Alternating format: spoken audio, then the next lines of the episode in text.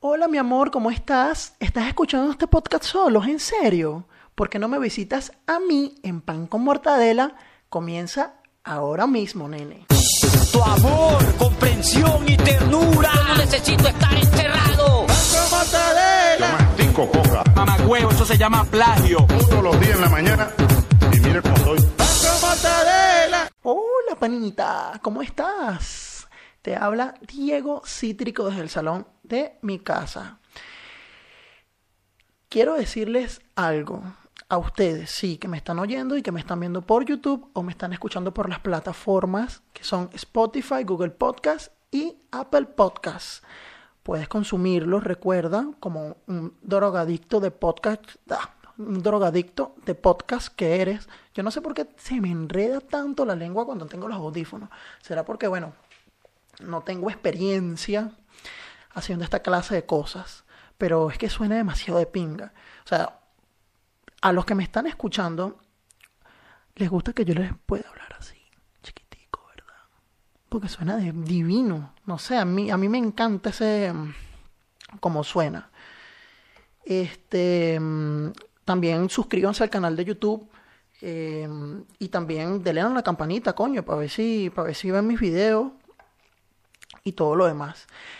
Hoy vamos a hablar de un tema muy, muy, muy interesante. Em, se trata de los récords Guinness que se han hecho en Venezuela, ¿verdad? Em, para los que no saben qué son los récords Guinness, ya va que lo tengo por aquí escrito. Em, los récords Guinness eh, es un libro publicado anualmente que contiene una colección de récords mundiales, tanto con los logros humanos como los logros naturales.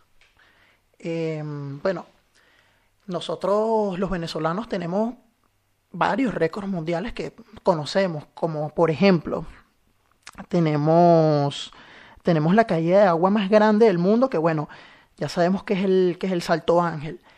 Tiene 979 metros de altura. Bueno, eso es casi un kilómetro. Imagínense eso, o sea, es inmenso. O sea, ya prácticamente todos los venezolanos no lo sabemos, menos los chavistas, claro. Claro, el teleférico de Mérida, Mucumbarí, es el más alto del mundo, con una altura de 4.765 metros. Es bien alto, pues, o sea, ya, ya todos lo sabemos. Eh, otro también que se ha hecho también en la ciudad de Mérida es la heladería con más sabores del mundo, que también está ubicada en la ciudad de Mérida, obviamente. Eh, tiene 593 sabores de helados. Bueno, en este momento no creo que tendrá los 500 sabores de helado, 500, casi los 600 sabores de helado.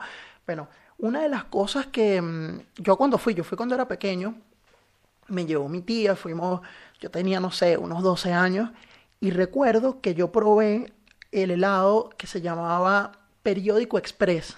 Sabía periódico. Prácticamente sí, sabía periódico. Había sabores de toda mierda, o sea, había desde, desde cebolla, ajo, había de todo. Y yo les digo algo, y es así, si tú vas a una heladería que se sirven 600 sabores de helado, coño, tú no vas a pedir un helado que te sepa a chocolate. Coño, para eso no vayas para esa heladería. O sea, algo lógico. Que, que, que pienso que lo tendremos que tener en cuenta. Pues, o sea, eh, si tú vas a esa heladería y no te comes un helado con sabor a cebolla, no vayas para esa heladería, porque mm, esa es la temática de la, de la heladería. Bueno, también está el hombre con los pies más grandes del mundo. Este tipo se llama Jason Orlando Rodríguez Hernández, quien recibió el récord mundial a sus 20 años cuando su pie derecho medía 41.1 centímetros de largo. Imagínense. Yo tuve la oportunidad de conocerlo a él hace como tres años. Estaba, mm, yo estaba con, con una novia que tenía en esa época. em, estaba en el terminal y lo vimos. Y ella me dijo, mira ese tipo y tal. Un tipo inmenso, a medida, no sé, como 2 metros 20. Y ella lo reconoció y tal. Y nos fuimos a tomar la foto con el tipo. El tipo, sadicón. No sé por qué, pero el bicho era sadicón, estaba sadiqueando la jeva. ¿Qué le voy a decir un tipo de 2 metros 20 de alto? O sea, ¿cómo tú te le enfrentas a un tipo de eso? Bueno, eh, nos tomamos la foto. El tipo tenía, sin ofender ni nada, el tipo tenía una voz así como, como robot, no como robotizada, como si le hubiesen metido picture, que es una voz así gruesa, así, una voz, una voz de mentira, así, una voz loca, no sé por qué. Pero fíjense, lo curioso de este, de, de- de este personaje es que el, el pie le mide 41.1 centímetros, ¿verdad? Fíjate, en Venezuela dicen que como tú tienes la planta del pie, tienes el pene. Imagínense el pene de este hombre que, que, bueno, pues, pues Jason tiene un pie de 41 centímetros, o sea, un pene de 41 centímetros, tú se lo enseñas a alguien y lo mínimo es que se asusta, se asusta, o sea, se, se debe asustar. Y creo que es un patrimonio nacional, prácticamente, porque se podría decir que Jason es el negro de WhatsApp latinoamericano. Y de eso nos tendremos que sentir orgullosos. O sea, a mí me gustaría ver chancear a Jason. A Jason, ¿cómo chancea a Jason? Coño, porque hay mujeres también que se intrigan por esa vaina. Y, y me parece sorprendente eso.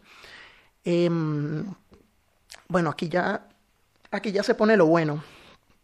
Tenemos también el aguacate más grande del mundo. El 28 de enero del 2019, del 2009, perdón, Gabriel Ramírez cultivó el aguacate que pesó 2.501 gramos. O sea, esos son 2 kilos y medio.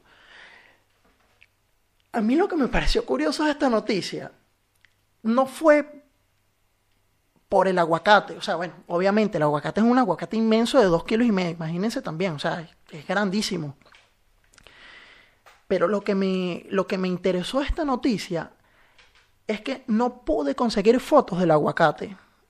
O sea, se nombró que hubo el aguacate de 2 kilos y medio, pero no hubo fotos del aguacate. La foto era de Gabriel Ramírez alzando el título de los récords Guinness. Mire, intenté buscar para ver de qué tamaño era el aguacate, porque el aguacate, o sea, un aguacate inmenso debería ser. Y no lo conseguí. Y, me pareció curioso que, que, saliera puro Gabriel Ramírez. Sabemos que, bueno, le, le, dan la placa y le dan todo, pero ¿dónde está el aguacate? ¿Y quién se comió ese aguacate? También sería, sería algo bueno, pues, que salieran las fotos, el tipo comiéndose el aguacate, la vaina, haciendo, no sé, una guasacaca, una vaina. No, eso no salió en ningún momento. Eh, también tenemos eh, la carrera como docente más larga del mundo. Se trata de Medarda Jesús León Uzcartequi, se llama la señora. Fue la venezolana con mayor edad en la trayectoria de la docencia con sus 87 años en servicio. Comenzó a dar clases en 1911 en la Escuela Modelo de la Aplicación de Caracas, cuando apenas tenía 12 años. Mira, fíjate, lo sorprendente es que, bueno, tuvo 87 años trabajando como docente, o sea, es mucho tiempo. Pero lo, lo, lo, que me parece curioso es que comenzó a los 12 años. O sea, yo no sé, pero, pero yo tengo la percepción, y yo creo que ustedes también la tienen, que la gente cuando en esa época, imagínate, esto fue en el, en el 1911, hacía logros más rápido.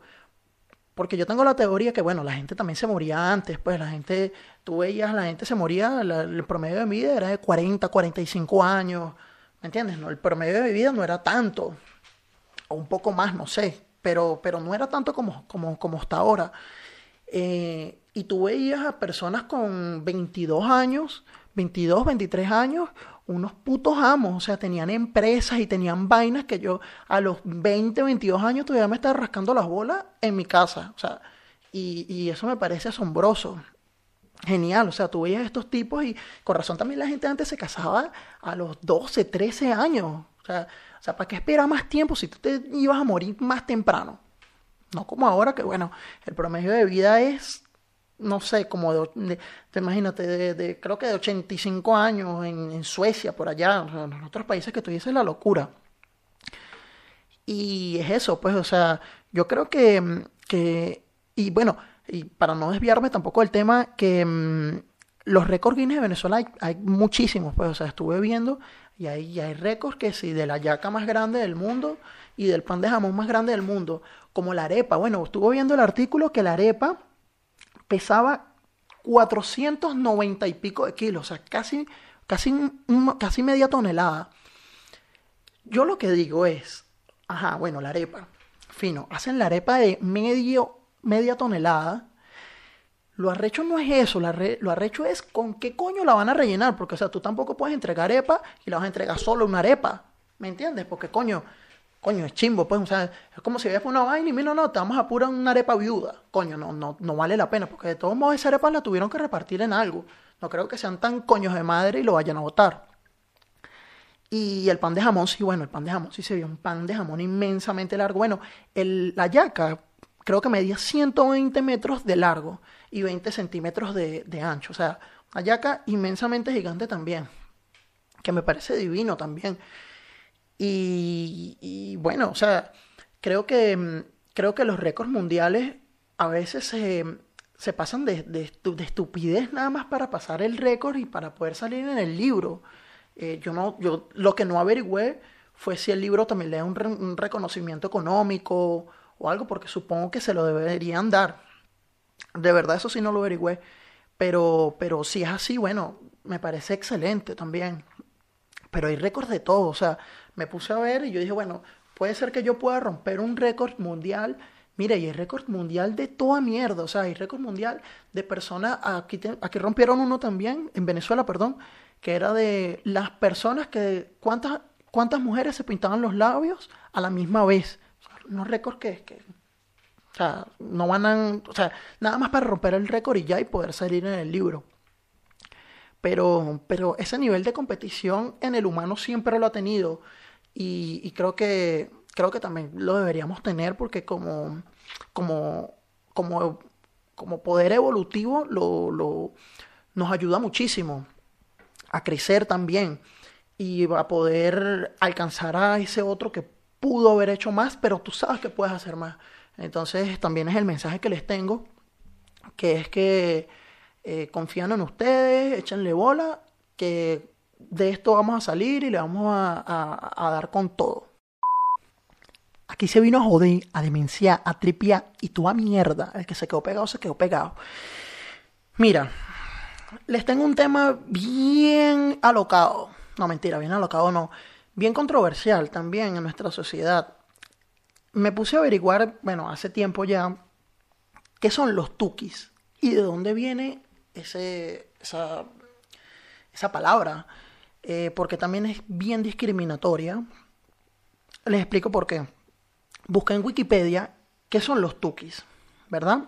Entonces se los leo. Dice, Raptor House o Changa Tuki es un género musical electrónico bailable que se ori- originó en Caracas, Venezuela, en las barriadas de dicha ciudad, a finales de la década de los 90 y popularizado en fiestas llamadas matinés, realizadas en discotecas caraqueñas.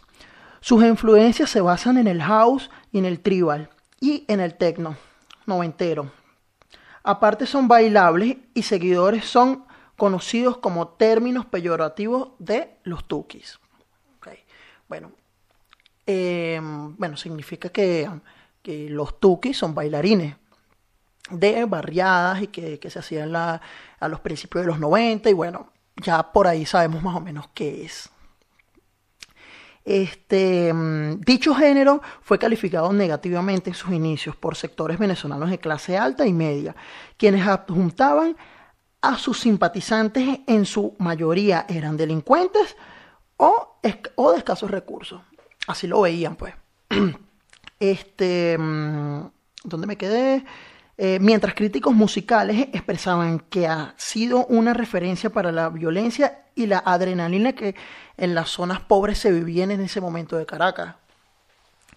Em, pues les explico. Este género llega a principios de los 2000, ¿verdad? Em, llega, llega bien fuerte porque, bueno, en esa época también a la gente le gustaba ir a discotecas y, todo lo demás, pero había un DJ muy importante, que lo voy a nombrar acá, que se llama DJ Baba. Él fue el que hizo Raptor House, o sea, el género musical de el electrotuki, pues, como, como, como se podría llamar. Entonces, estos tipos, bueno, tenían, eh, tenían su crew, pues, de, de, de personas también que les gustaba todo esto, y empezaron a tocar en, discote en varias discotecas de Caracas, y, y con el tiempo los tipos se fueron, o sea, se fueron volviendo famosos, pues, o sea, este, todos los fines de semana prácticamente hacían matinés como los llamaban ellos, pero los matinés iba pura gente con bajos recursos, pues, gente del barrio, gente que no podía pagar una entrada grande, sino que iba para estos eventos que, ojo, estos eventos no es que eran eventos de 100 personas, estos eran eventos masivos semanales que se hacían, o sea, de 1500 personas en un local. Y, y, y, si tú no sabes eso, es que es mucha gente en un local pequeño. Entonces, eh, ellos empezaban a, bailar dentro de, de, del local y se empezaron a crear como riñas porque también eh, se creaban conflictos. Pues a veces habían bandas dentro de, la, de, dentro de las discotecas, a veces entraban puñales, o sea, era una situación delicada. Eh, había muchos menores de edad también, las fiestas no, no había ese control para tú poder entrar a esas fiestas ni nada. Recuerdo muy pocas fue, muy pocas veces fui. Yo estaba muy pequeño también para, para esas fiestas y mis padres no me dejaban. Pero sí fui como dos, tres veces a, a matinés, pues, o sea. Eh, pero matinés de verdad de estos, o sea, que se, que se, que, que, que iban a, tocar electro y, y, listo, o sea. Eh, ¿Cuál es la problemática? ¿Qué pasó? ¿Qué problemática sucedió acá? Que siempre cuando salían de estos locales, eh, siempre habían puñaladas y cosas y cosas en el periódico y bueno, todo lo demás. Entonces estos tipos, ahora no recuerdo el nombre porque vi un documental en YouTube, que ahora no recuerdo el nombre, pero se trataba también de esto. eh, eh, uno de ellos, que tenía, una, tenía varias discotecas en, en Caracas, decidió hacer una competencia de baile. Entonces, ¿qué fue lo que generó esto? Generó que las bandas, en vez de caerse apuñaladas afuera, se caían era a pasos de baile tuki adentro del local. Entonces, eh, sin ellos saberlo, ellos estaban, ellos estaban formando una, una cultura eh, a base de esta música y a base al baile y a base de todo esto. Entonces me pareció bien interesante eso, pues, o sea, hubo mucha, yo recuerdo que, bueno, y todavía hay discriminación y la gente no sabe qué es un tuki. O sea, un tuki lo ven como una persona de bajos recursos que no tiene tal, o sea, lo ven así, pero en sí, ya, o sea, tenemos que saber comprender de dónde viene el término y saber utilizarlo bien. ¿Me entiendes? Este, y es eso, pues, o sea, este género en el 2010, 2011, hubo, hubo mucha gente que estuvo interesada en este género y el género, aunque tú no lo creas, tiene que ir evolucionando. ¿Por qué? Porque se tiene que ir puliendo. Así pasó en todos los géneros musicales, señores. O sea, así pasó en el rock, en el hip hop, en, en todos los géneros musicales que son urbanos, eh, salen de guetos. Salen de guetos porque, porque es la palabra de donde sale del barrio, de, de, eso, de esa necesidad también de expresarse, porque, porque es así, pues no porque tú tengas bajos recursos, no porque tú tengas, o porque ibas en un cerro, porque no te puedas expresar y hacer tu, tu movida, pues, porque, porque también es arte, aunque nosotros, aunque personas no lo vean, que es arte, es arte.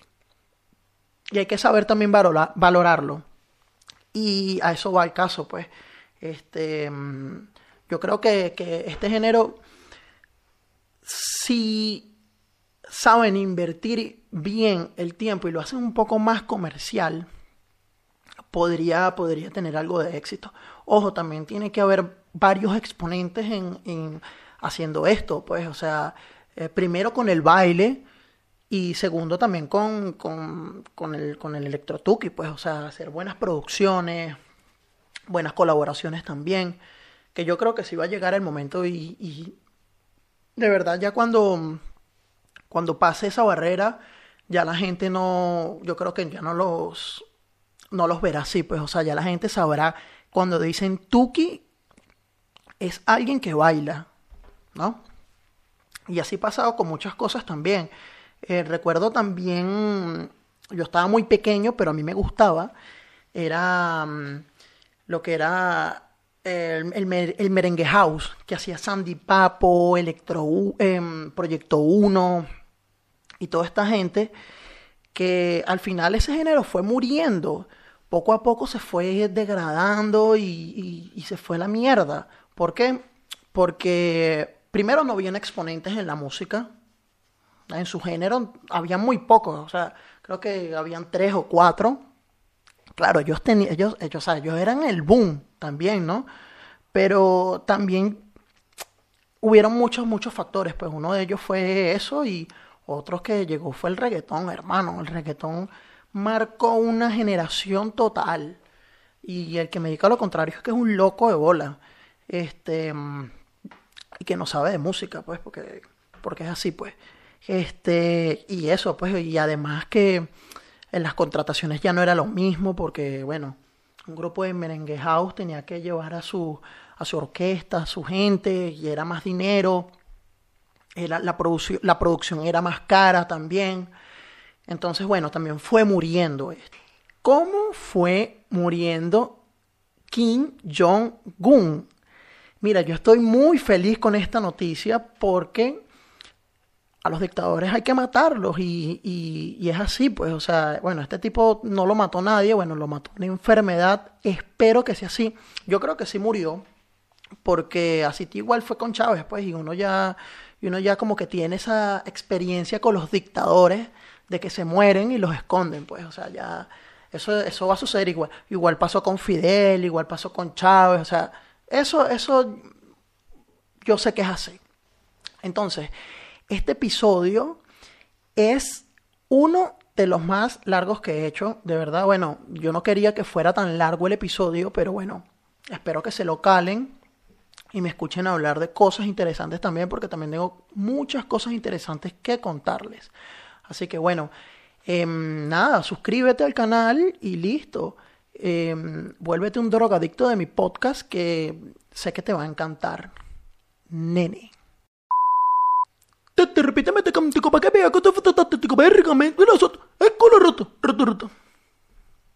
Estoy cantando como Jay, bebé.